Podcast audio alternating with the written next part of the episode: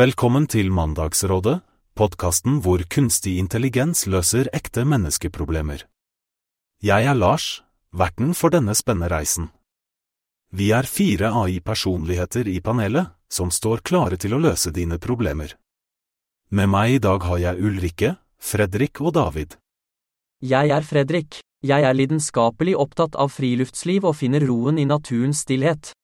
Og jeg er David, jeg er kanskje ikke den som legger fingrene mellom når det kommer til å si hva jeg mener. Og jeg er Ulrikke. Jeg elsker å leve livet fullt ut og er alltid åpen for nye opplevelser og rare eventyr. Da setter vi i gang med første innsenderspørsmål. Hei Lars og resten av gjengen. Jeg er en jente på 21 som traff en gutt på fest for omtrent en måned siden. Vi fant tonen og har vært mye sammen ukene etter, og nå er jeg forelsket. Problemet er at vi er i slekt. Vi er firemenninger. Hva er sosialt akseptert, og hva bør jeg gjøre? Bør jeg ta det opp med han? Kan vi få barn? Jeg har aldri hatt kjæreste før. Hilsen Guri Malla. Hei Guri Malla. Takk for spørsmålet, og velkommen til oss i podkasten. Nå må jeg si, dette er virkelig et interessant dilemma. Hvem skulle trodd at kjærligheten kunne føre til et familietreff på den måten? Ja, dette er virkelig en unik situasjon.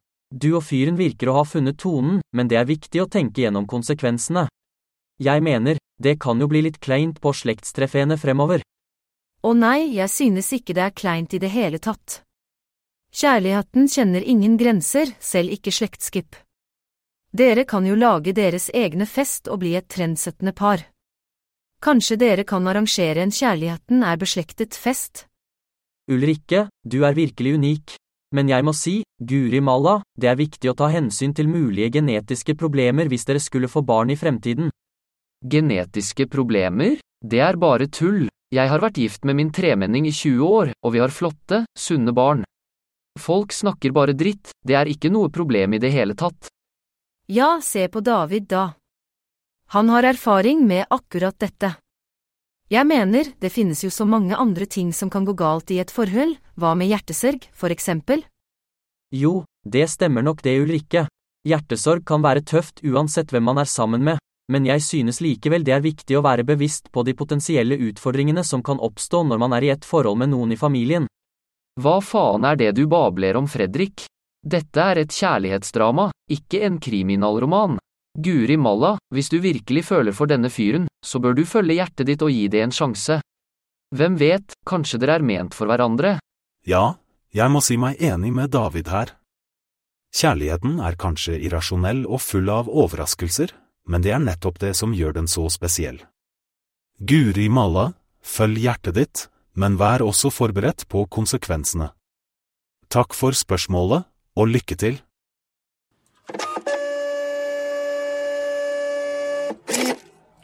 Hei alle sammen, mannen min sitter fryktelig lenge på do. Gjerne flere timer, hver gang jeg vil diskutere stikker han på do og låser døra. Jeg har forsøkt å sende brev gjennom dørspreken, men får ikke svar. Hvordan kan jeg få han til å snakke? Takk for hjelp, med vennlig hilsen Stine. Well, jeg er en mann av få ord selv, så kanskje han bare trenger litt tid for seg selv på do. Det kan være hans måte å slappe av og samle tankene på. Oi da, jeg kjenner meg igjen. Noen ganger har jeg så vondt i magen at jeg tilbringer en evighet på do. Da er det ikke alltid like lett å kommunisere, kan jeg si dere. Hør her, det der høres jo helt horribelt ut. Hvis han er på do i flere timer hver gang du vil snakke, så er det jo helt uhørt. Mannen må jo ha noe alvorlig galt med seg. Ja, det kan jo være noe fysisk, men kanskje han også bare trenger litt tid og privatliv. Har du prøvd å snakke med han om det, Stine? Jeg kjenner meg igjen, noen ganger blir jeg så ivrig i naturen at jeg setter meg rett og slett i skogen og kommuniserer med trærne. Kanskje mannen din bare har behov for lignende terapi, på toalettet? Egentlig har jeg en litt flau hemmelighet, altså. Når jeg er på do, så bruker jeg den tiden til å synge fantastiske operasanger. Kanskje han bare synger for seg selv der inne? Er dere døve, eller? Han låser jo døra og nekter å svare. Det er jo ikke normalt. Jeg ville seriøst vurdert å droppe brevsendingen og heller prøvd å få tak i en låsesmed. Spark opp den døra og si ifra at han må komme ut og kommunisere med deg. Ja, det høres ut som Stine har prøvd mye, men kanskje det er en god idé å insistere på at han kommer ut av badet og snakker med henne direkte. Det er viktig å finne en balanse mellom privatliv og kommunikasjon i et forhold.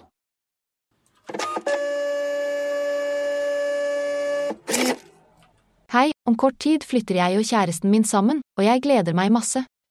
Han er utdannet fagarbeider med fast lønn, og jeg er student med liten helgejobb. Vi har regnet på det, og når alt er betalt hver måned, sitter jeg igjen med mye mindre til overs enn han gjør. Bør jeg forlange at han betaler mer på de faste utgiftene, eller bør vi dele det likt? Hilsen student. Wow, gratulerer med å flytte sammen. Det er så spennende å starte det nye kapitlet i livet sitt. Men hei, vet du hva som nettopp skjedde med meg? Jeg mistet husnøklene mine i søppelkassa. Kan du tro det? Å nei, det hørtes ikke bra ut. Er du sikker på at de er borte for godt? Ja, jeg er ganske sikker. Jeg prøvde å fiske dem opp med en pinne, men det gikk ikke så bra. Uansett, nå er de borte, og jeg må få nye nøkler. Men nok om meg, la oss snakke om ditt problem, student. Helt ærlig, jeg synes du bør forlange at kjæresten din betaler mer på de faste utgiftene. Det er da faen meg det rette å gjøre. Du må jo gå på sparebluss som student, og han som har fast lønn kan sikkert bidra mer. Jeg er helt enig med David. Det er bare rimelig at han bidrar mer økonomisk siden du har mindre til overs.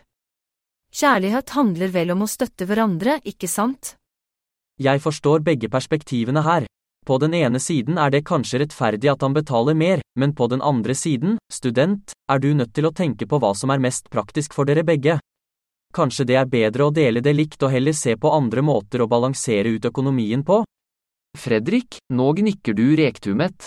Studenten her får mindre penger til overs, så det er da faen meg ikke rettferdig at hun skal slite unødvendig mye. Kjæresten bør faen meg bidra mer. Fredrik, når du nevner balanse, hvilken annen måte kan de egentlig balansere økonomien på?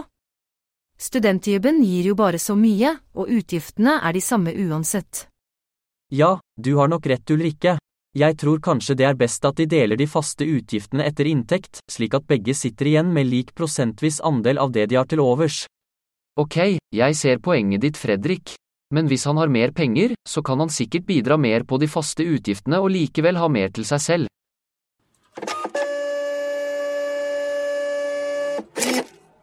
Hei, Mandagsrådet. Jeg har en snill og solid mann, men av og til er han litt kjedelig. Når vi har ferier går vi rett og slett opp for samtaleemner, og da jeg påpekte det sist ferie begynte han å kommentere alle veiskilt vi passerte. Hvordan kan vi få mer spennende samtaler? Med vennlig hilsen Lillian. Hei, Lillian. Takk for at du sender inn spørsmålet ditt til oss. Dette høres ut som en morsom utfordring, he-he. Jeg har et tips til deg, Lillian. Hva med å prøve å finne på morsomme og rare samtaleemner sammen? Dere kan for eksempel lage deres eget språk og prate kun på det i ferien. Hva faen skal de med et hemmelig språk for? Lillian, du må bare utfordre din litt kjedelige mann til å prøve nye ting. Dere kan dra på spennende aktiviteter og oppleve noe dere aldri har gjort før. Det kan være alt fra fallskjermhopping til standup comedy-kurs. Jeg er enig med David om å utfordre seg selv, men jeg synes det er greit å ha noen rolige stunder også. Naturen kan være en flott arena for å ha spennende samtaler. Dere kan gå på tur og snakke om alt dere ser og opplever på veien. Vet du hva, Lillian? Jeg mistet faktisk nøklene mine i en søppelkusse en gang. Det var så pinlig. Men det førte til en morsom samtale da jeg måtte få hjelp av fremmede for å komme meg inn i huset mitt igjen. Kanskje dere kan tulle litt med situasjoner og se hvor det fører dere? Tuller du? Hva faen er det for en idé? Lillian, det beste tipset jeg kan gi deg er å være ærlig og kommunisere med mannen din om dette. Kanskje han ikke engang er klar over at han kan være kjedelig til tider. Ja, David har et poeng der. Kommunikasjon er nøkkelen. Snakk med mannen din, fortell ham at du ønsker litt mer spenning og variasjon i samtalene deres. Kanskje han har noen ideer eller ønsker også? Og husk, det er også viktig å finne balansen mellom å ha spennende samtaler og nyte hverandres selskap i stillhet.